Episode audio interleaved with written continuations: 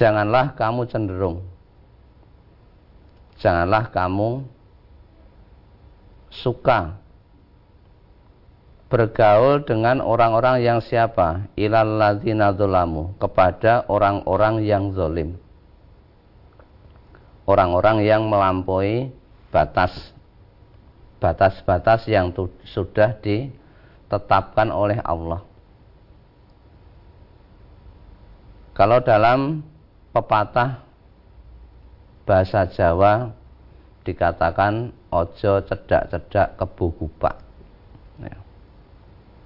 jangan kamu dekat-dekat dengan kerbau yang berlumuran dengan lumpur dan kotoran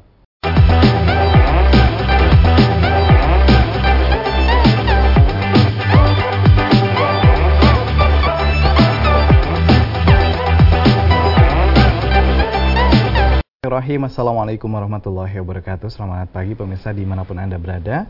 Alhamdulillahirrabbilalamin Kita panjatkan syukur kita kepada Allah subhanahu wa ta'ala Karena masih memberikan kesempatan Untuk bertemu kembali di program Fajar Hidayah. Dan pemirsa di mana pun anda berada Pagi hari ini kita akan ditemani Beliau Ustadz Muhammad Ghazali SPDI Silahkan nanti akan bergabung bersama Di line phone, SMS maupun WhatsApp yang sudah kami siapkan untuk anda Beliau sudah ada di tengah-tengah kita. Saya sapa beliau dulu. Assalamualaikum warahmatullahi wabarakatuh. Ustaz. Waalaikumsalam warahmatullahi wabarakatuh. Sehat nggak Ustaz ya? Alhamdulillah. Alhamdulillah. Pemirsa mudah-mudahan juga dalam kondisi sehat ya, Ustaz.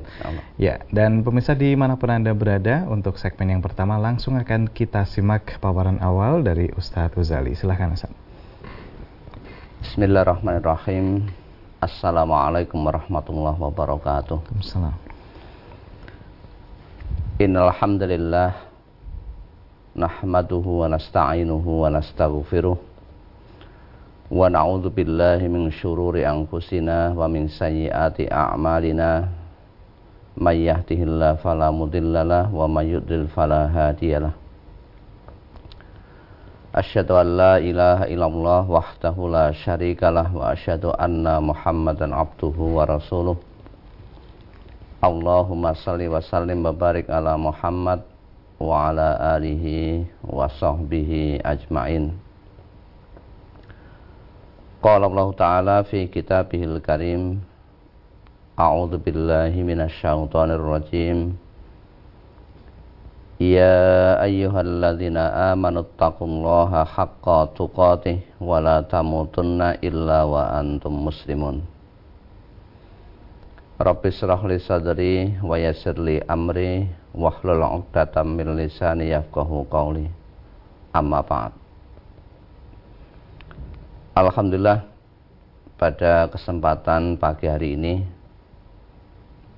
marilah kita awali pagi yang cerah ini dengan melakukan hal-hal yang positif melakukan hal-hal yang baik karena sesuatu yang baik itu adalah kalau itu dicontohkan dari Rasulullah Sallallahu Alaihi Wasallam akan menjadikan Allah ridho terhadap apa yang kita lakukan. Ketika Allah ridho akan banyak kemudahan-kemudahan yang kita peroleh. Sebaliknya kalau kita melakukan pelanggaran-pelanggaran, perbuatan dosa, perbuatan maksiat, perbuatan yang melampaui batas akan menjadikan hati kita menjadi tidak senang dan Allah murka terhadap apa yang kita lakukan.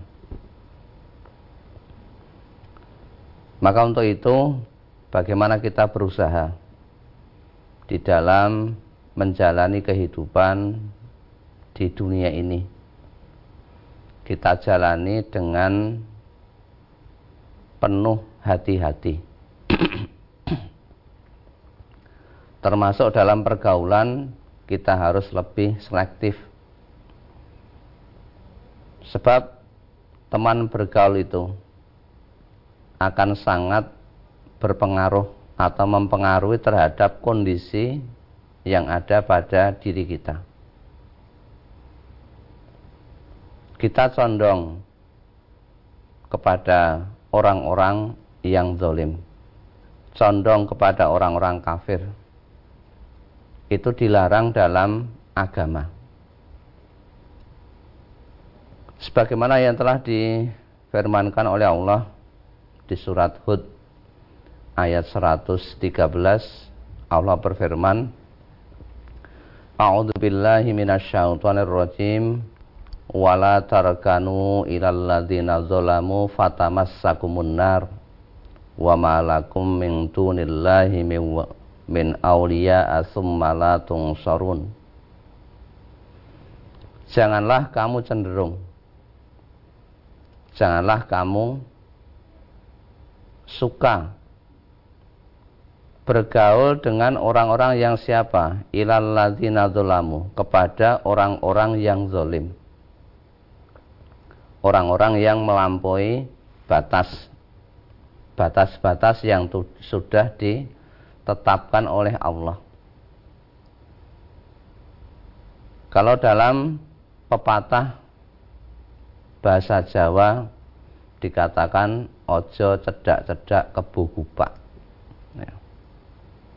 Jangan kamu dekat-dekat dengan kerbau yang berlumuran dengan lumpur dan kotoran akan menyebabkan ya kita terkena akibatnya, terkena dampaknya, terpengaruh oleh aktivitas dan perbuatannya. Karena kalau itu dilakukan akan menyebabkan fatamas sakumunar. Kamu akan disentuh oleh api neraka. Akan menyebabkan kita bisa masuk ke dalam neraka. Karena akan melakukan perbuatan-perbuatan yang hampir sama. Akan berpengaruh. Akan condong untuk melakukan perbuatan-perbuatan maksiat. Atau dengan kata lain ketika kita berbuat pelanggaran tidak ada orang yang menegur. Tidak ada orang yang mengingatkan karena sejenis. Kemudian perlu diketahui bahwa besok ketika orang berada di neraka wa ma lakum min dunillah min auliya summalatun sorun ketika orang berada di dalam neraka itu dia tidak akan mendapatkan penolong. Tidak mendapatkan pelindung selain daripada Allah. Kalau di dunia kita mengalami kemiskinan, kesusahan, penderitaan, itu masih ada orang yang peduli. Tetapi besok ketika berada di dalam neraka itu tidak ada sama sekali orang yang bisa memberikan pertolongan dari azab yang begitu pedih.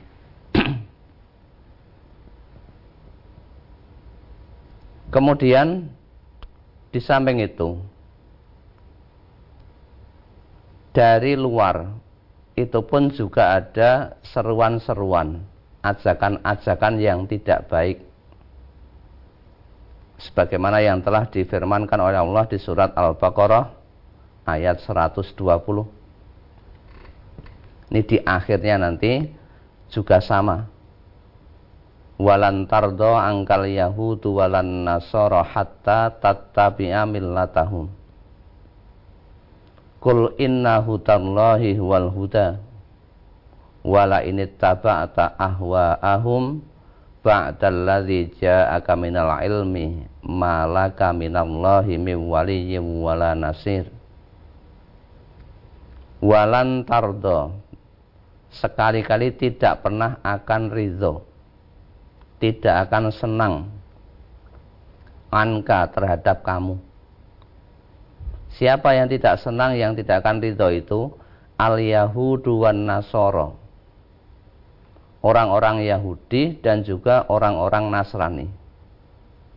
Itu tidak suka kepada kamu, kepada orang Islam, hatta tattabi'a millatahum. Sehingga kamu orang-orang Islam itu mengikuti milah, mengikuti agama, mengikuti budaya, perilaku mereka. Kita jangan sampai mengikuti hal-hal yang seperti itu. Harus punya filter, harus punya proteksi terhadap ajakan-ajakan pengaruh-pengaruh orang-orang yang tidak baik. Di surat Hud tadi ayat 113 disebutkan orang-orang dolim. Di sini menuju kepada orang-orang Yahudi, orang-orang Nasrani. Dan bahkan Nabi kita sudah jauh-jauh sebelumnya juga mensabdakan latat ba'unna sunana mangqablakum. Shibron bi shibrin wa zira'an bi zira'in. Hatta lau takhalu juhra zabbin tabi'tumuhum. Qalu al yahudu wan nasara? Qala faman. Sungguh kamu orang Islam. Itu akan mengikuti kebiasaan, sunnah, budaya orang-orang sebelum kamu. Shiberon bishiberin waziro'an biziro'in Sejengkal demi sejengkal, sehasta demi sehasta Maksudnya pelan tapi pasti Akan mengikuti budaya orang-orang jahiliyah Dulu orang pada telanjang, nah sekarang juga kembali kepada telanjang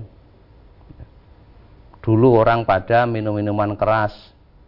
Setelah datangnya Nabi itu dihapus. Nah sekarang mulai lagi banyak minum minuman keras, pelegalan, bahkan narkoba dan sebagainya.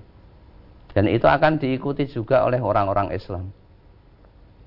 Pergaulan bebas yang tidak kenal mahram juga sama. Itulah budaya-budaya. Milah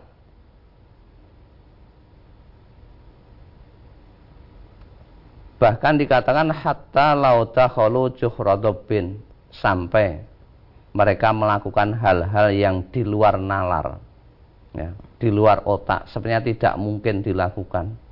Itu tetap orang-orang Islam juga mengikuti juga, membabi buta tanpa mengetahui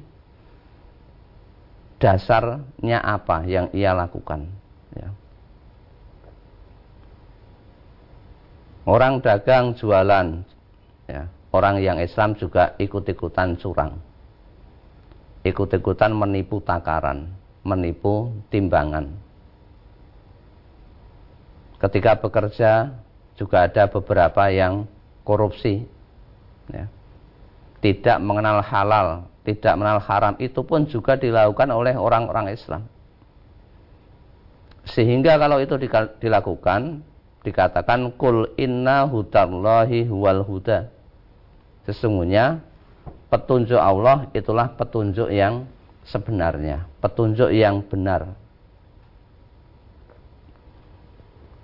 Wala ini taba'ata ahwa'ahum dan jika kamu mengikuti ya, mengikuti kemauan mereka ya, mengikuti langkah orang-orang zalim langkah orang-orang Yahudi Nasrani ba'dal ladzi ja'aka minal ilm padahal kamu sudah tahu ilmunya tapi hanya karena milik harta yang banyak ikut-ikutan pengen dikatakan orang yang milenial, orang yang modern ikuti-ikut-ikutan. Apa yang terjadi? Malaka minallahi min waliyyin wala nasir. Maka Allah tidak akan sudi lagi menjadi penolong dan pelindung bagi orang-orang yang beriman. Karena langkahnya sudah salah. Langkah yang ditempuh.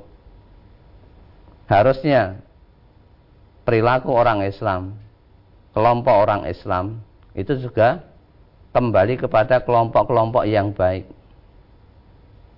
Tidak bisa antara yang baik itu menyatu dengan yang buruk itu tidak mungkin. Wala talbisul haqqo bil batil haqqo wa antum ta'lamun. Ya, antara yang hak dan yang batil itu jangan dicampur adukkan. Harus milah. Harus pisah. Harus berani untuk menampilkan siapa jati dirinya. Ya la yastawi ashabun nar wa ashabul jannah ashabul jannati humul faizun tidak akan sama alias beda antara penghuni neraka dan penghuni surga itu perilakunya, perbuatannya, perkataannya, kerjanya semuanya beda.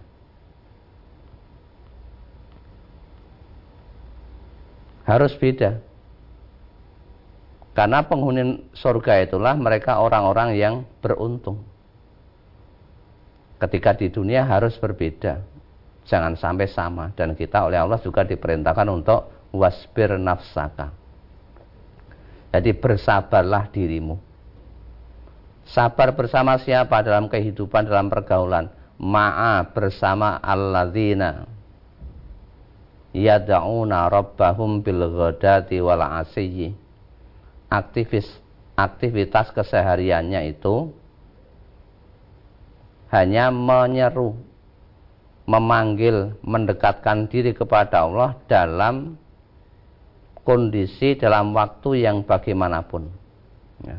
Bil godati wal setiap saat, baik pagi, siang maupun sore.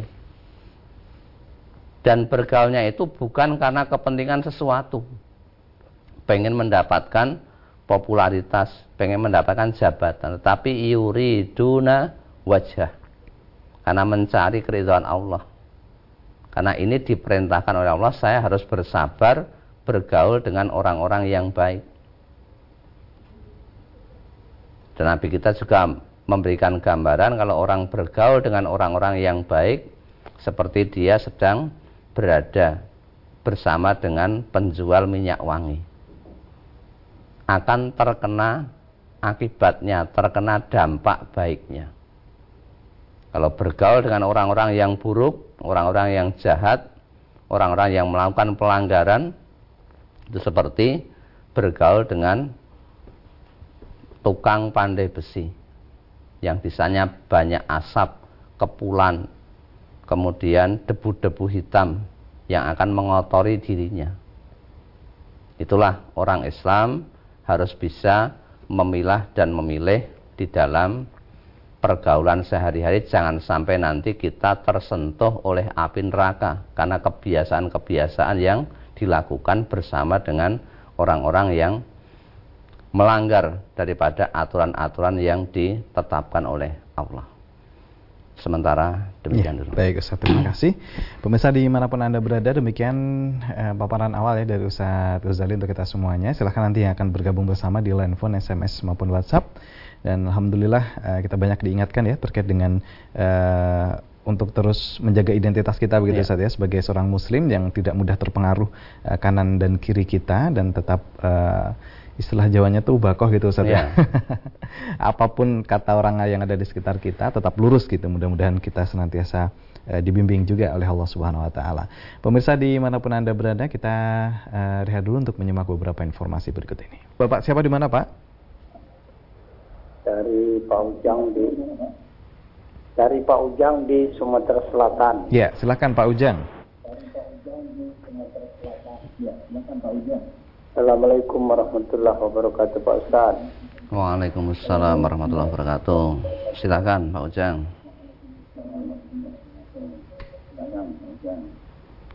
Yang saya mau tanyakan di surat At-Taubah itu di surat At-Taubah itu ayat 119 hmm. itu dikatakan orang-orang yang beriman bertakwalah kamu kepada Allah dan bersamalah orang yang benar. Maksud orang-orang yang benar itu tolong dijelaskan Pak. Ya, demikian uh, Bapak. Yang bagaimana? Itu aja, Ustaz. Terima kasih Pak Ujang. Ya, Waalaikumsalam warahmatullahi wabarakatuh. Silahkan Ustaz. Ya. Di surat At-Taubah ayat 119 ini Allah berfirman Ya ayyuhalladzina amanu taqullaha wa kunu ma'as ya. Wahai orang-orang yang beriman Jadi orang-orang yang mengaku dirinya beriman beriman kepada rukun iman yang enam. diperintahkan untuk ittaqullah. Jadi bertakwalah kepada Allah. Setelah bertakwa wa kunu ma'as ya. Dan hendaklah mereka itu bersama dengan orang-orang yang benar ya. Tadi di surat uh, Al-Kahfi ayat 28 yang sudah saya bacakan tadi wasbir nafsaka ma'alladzina yad'una rabbahum bil ghadati wal asiyyi yuriduna wajhah. Itu ya hampir mirip. Hendaklah kamu bersama dengan orang-orang yang sodik. Sodik bisa berarti benar, bisa berarti jujur. Ya alaikum bisidqi ya, wajib atas kamu berlaku jujur karena jujur itu akan membawa kepada kebaikan dan kebaikan akan menghantarkan ke surga. Ya. ini maksud daripada orang-orang yang sodik. Jadi benar imannya juga bisa benar takwanya juga bisa. Itulah orang-orang yang perlu kita bergaul. Bukan berarti kita tidak boleh bergaul kepada orang-orang yang uh, dia juga orang Islam tetapi ada perilaku yang tidak baik ya. namanya orang itu ya mesti ada kekurangannya tetapi dikatakan dalam makalah itu khairul ashabi man yadulluka alal khair ya sebaik-baik teman itu adalah yang menunjukkan kepada kebaikan. Nah kalau kita bergaul dengan orang yang jelek, mana mungkin dia akan mengingatkan, menunjukkan kepada kebaikan lawang dirinya saja jelek. Dia tidak mungkin akan muncul keluar hal-hal yang mengingatkan seperti itu. Bahkan malah mendukung ke arah keburukan. Ya, ya ini maksud dari waku numa asodikin. Jadi kita hendaklah selalu bersama dengan orang-orang yang benar, ya, orang-orang ya, yang jujur, orang-orang yang baik. Nabi juga mendapat gelar yang seperti itu, ya. mendapatkan orang yang jujur, orang-orang yang sidik, ya. amanah, tablik, fatonah itu kan termasuk sifat-sifat dari yang ada pada diri Nabi Muhammad Sallallahu Alaihi Wasallam. Ya. ya. Baik Ustaz, kemudian satu lagi penelpon sebelum kita menuju ke WhatsApp. Halo, Assalamualaikum. Halo. Halo. Assalamualaikum warahmatullahi wabarakatuh. Waalaikumsalam warahmatullahi wabarakatuh. Bapak siapa di mana Pak? Saya Sarono Pak dari Wonogiri Pak. Ya. Silahkan Pak Sarono. Assalamualaikum warahmatullahi wabarakatuh Pak Ustaz. Waalaikumsalam warahmatullahi wabarakatuh. Silahkan Pak Sarono. Saya mau tanya kalau membaca Al-Quran itu pada pahalanya tiap satu huruf adalah sepuluh kebaikan. Ya. Kalau kita sholat membaca ayat atau surat, apakah juga bisa mendapat pahala seperti yang kalau membaca Al-Quran, Pak? Hmm. Ya. ya. Demikian. Lalu Pak yang kedua, ya. saya kalau mandi itu sudah telanjang mau mandi itu membaca basmalah merujuk itu merujuk itu membaca basmalah apa itu dosa pak atau yeah. itu, itu boleh apa tidak pak hmm. karena yeah. ya Bismillahnya itu setelah mau akan merujuk itu hmm. itu tadi sudah telanjang kok kita baca basmalah apa itu boleh apa apa itu tidak dosa pak yeah. Terima kasih Pak. Assalamualaikum warahmatullahi wabarakatuh. Waalaikumsalam warahmatullahi wabarakatuh. Monggo Ustaz. Oke. Yang pertama tadi ya. tentang membaca ayat membaca dalam Al-Qur'an. Ya. ya. Apakah di luar sholat dengan di dalam sholat sama? Hmm. Ya. Memang Nabi kita mensabdakan seperti itu sebagai motivasi ya. sebagai pemberi kabar gembira Tujuannya agar orang itu tertarik. Tertarik untuk melakukan atau membaca Al-Quran. Setiap satu huruf itu dinilai 10 kebaikan. Alif, lam, mim itu kan tiga huruf. Berarti mendapatkan 30 kebaikan. Bagaimana ketika dibaca dalam sholat? Ya sama saja. Ya mendapatkan kebaikan sebagaimana yang ada di luar sholat. Bahkan lebih daripada itu.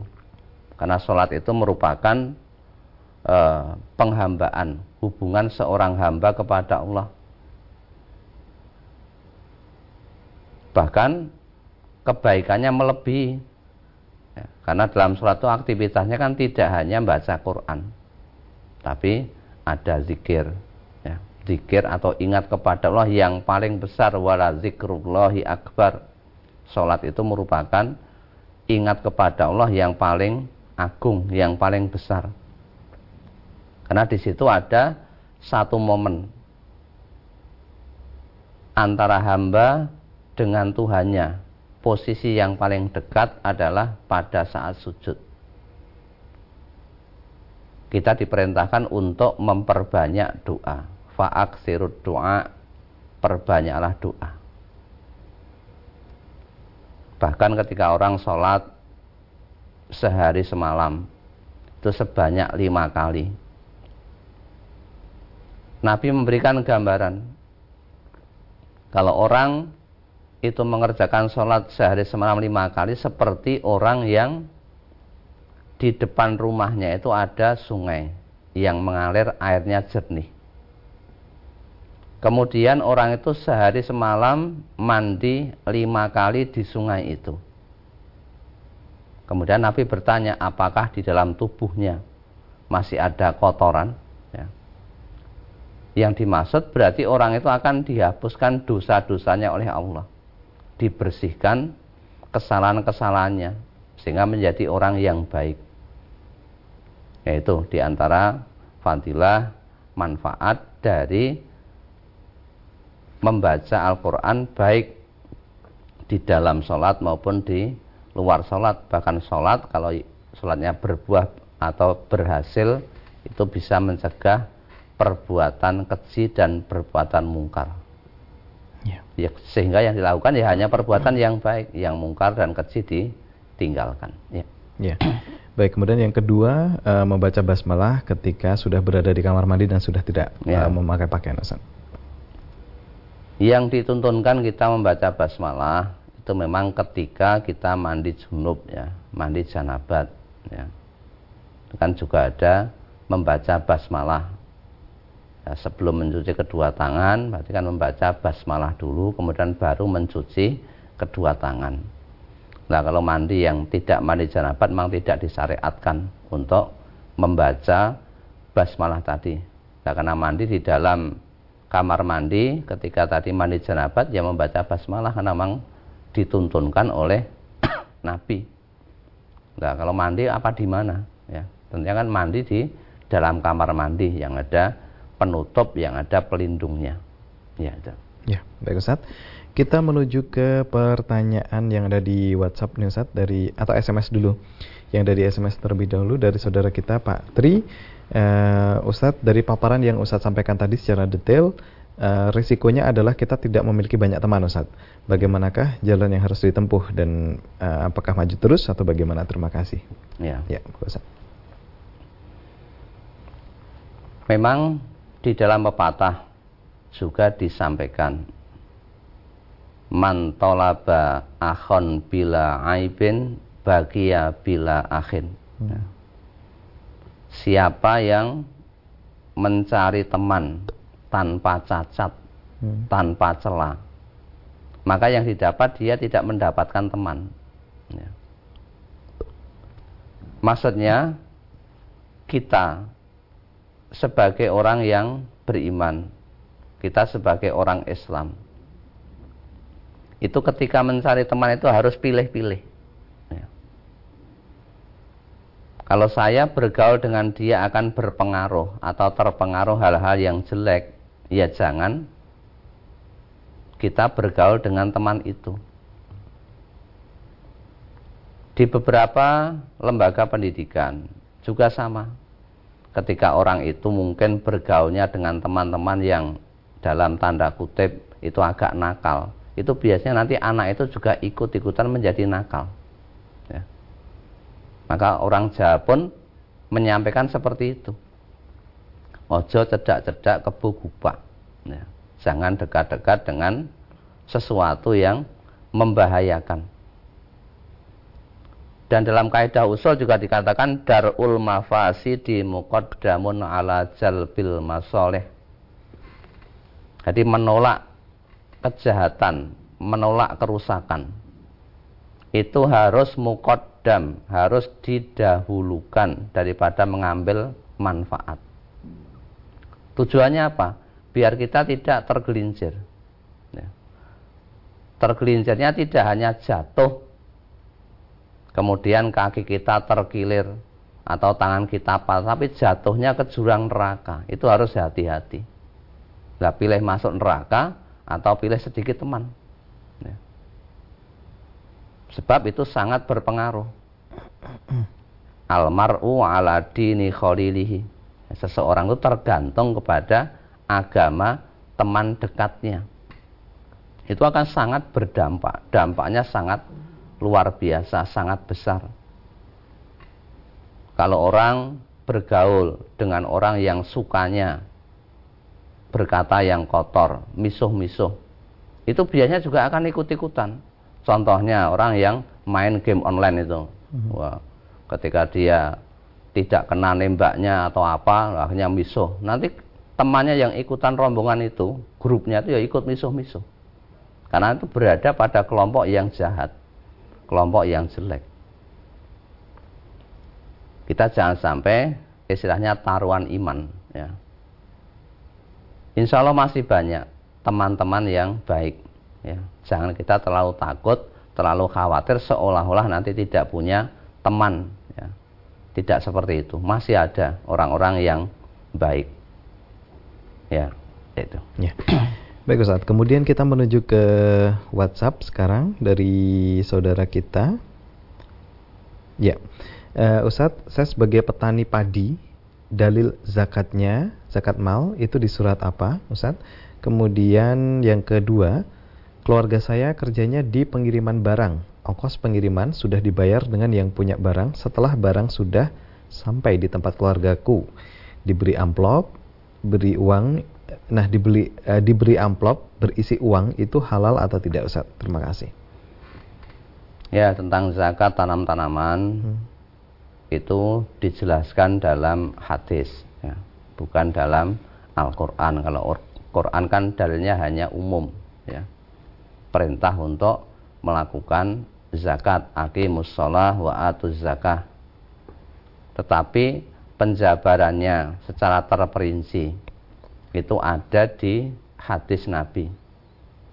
Ya, zakat tanam-tanaman yang diairi dengan biaya atau yang mengandalkan air hujan itu kan zakatnya berbeda itu dijelaskan di dalam hadis Nabi ya.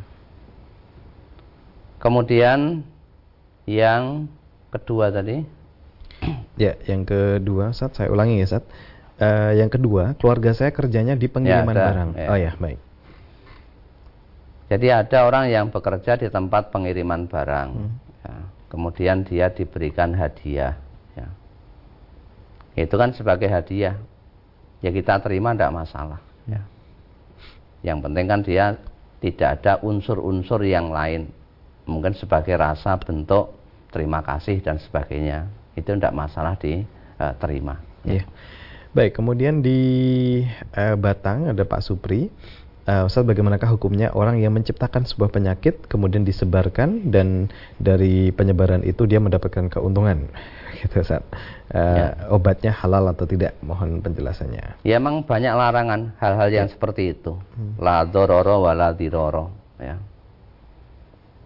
Jangan membahayakan diri sendiri dan jangan membahayakan orang lain. Ini dilarang dalam agama, apalagi mengambil keuntungan di balik itu. Ya. Orang Islam itu prinsipnya adalah khairun nas anfa'uhum linnas.